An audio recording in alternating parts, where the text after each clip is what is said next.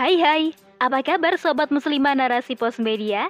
Di rubrik syiar kali ini, kita akan membahas tentang naskah yang berjudul Bagiku agamaku dan bagimu agamamu oleh Maria Zawawi.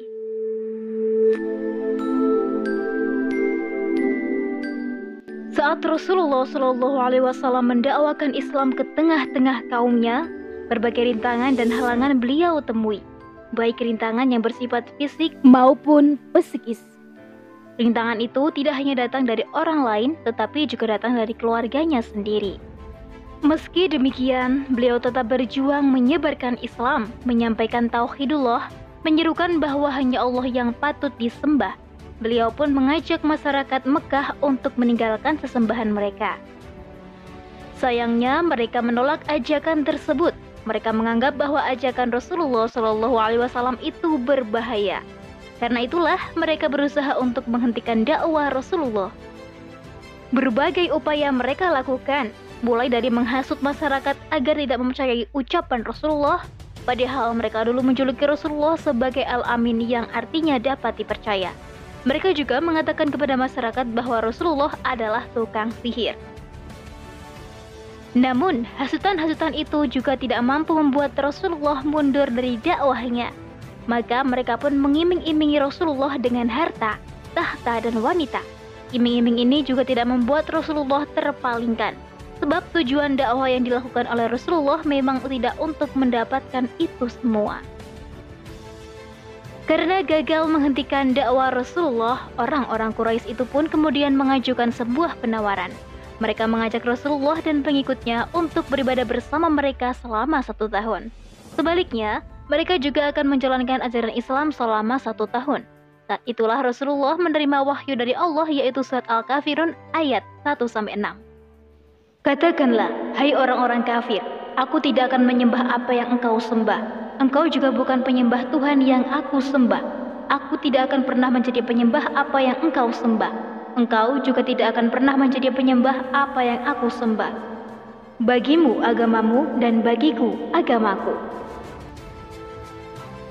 Sahabat podcast Narasi Pos, melalui surat Al-Kafirun ini, Allah menegaskan bahwa Islam tidak dapat dicampur adukan dengan agama lain.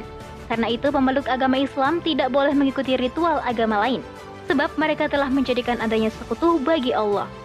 Maka, Allah memerintahkan kepada Rasulullah untuk melepaskan diri dari melakukan segala hal yang berbuat kemusyrikan tersebut. Hal itu diperkuat dengan ayat yang terakhir yang artinya bagimu agamamu dan bagiku agamaku. Menurut Ibnu Katsir, ayat ini sama maknanya dengan firman Allah dalam Al-Quran Surat Yunus ayat 41. Jika mereka mendustakanmu, maka katakanlah, bagiku amalku dan bagi kalian amal kalian. Kalian berlepas diri dari apa yang telah kukerjakan dan aku juga berlepas diri dari apa yang kalian kerjakan. Demikian pula sama maknanya dengan firman Allah dalam surat Al-Baqarah ayat 139. Bagi kami amalan kami dan bagi kalian amalan kalian.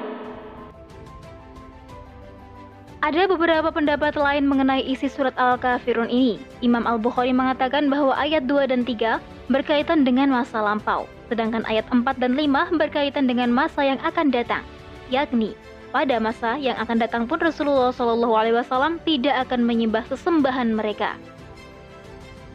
Sedangkan Ibnu Jarir mengatakan bahwa pengulangan yang ada di dalam surat Al-Kafirun itu berfungsi sebagai tauhid atau menguatkan.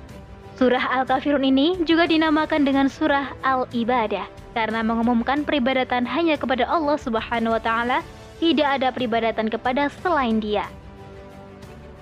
Dalam tafsirnya Fi Zilalil Quran, Said Kutub mengatakan bahwa sebenarnya bangsa Arab itu tidak mengingkari adanya Allah, namun mereka tidak memahami hakikat Allah sehingga menyekutukannya.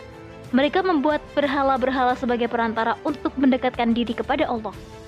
Dan melalui berhala itu, mereka menggambarkan malaikat dan sebagainya karena itulah Allah memerintahkan kepada Rasulullah untuk berlepas diri dari kemusyrikan mereka. Sebagai umatnya, kita pun harus mengikuti teladan yang telah diberikan oleh Rasulullah Shallallahu Alaihi Wasallam. Karena itu, kita juga tidak dibolehkan untuk mencampur adukkan akidah Islam dengan akidah lainnya. Misalnya dengan menganggap bahwa semua agama itu sama, sebab hal ini sama halnya dengan mengakui kebenaran akidah selain Islam. Begitu pula, tidak boleh memberikan ucapan selamat kepada pemeluk agama lain, sebab ucapan ini juga merupakan bentuk pengakuan kita terhadap kebenaran agama tersebut. Ucapan itu juga sebagai bentuk pengakuan terhadap Tuhan yang mereka sembah. Padahal sudah jelas bahwa Islam hanya mengakui satu Tuhan, yaitu Allah Subhanahu wa Ta'ala. Demikianlah Allah mengatur segala sesuatu dengan rinci, sudah sepatutnya aturan-aturan itu kita jalankan dengan penuh kerelaan. Karena kita telah berikrar. Inni wajahtu wajahiyalladhi fataras samawati wal ardi hanifa muslima wa ma ana minal musyrikin. Wallahu a'lam bisawab.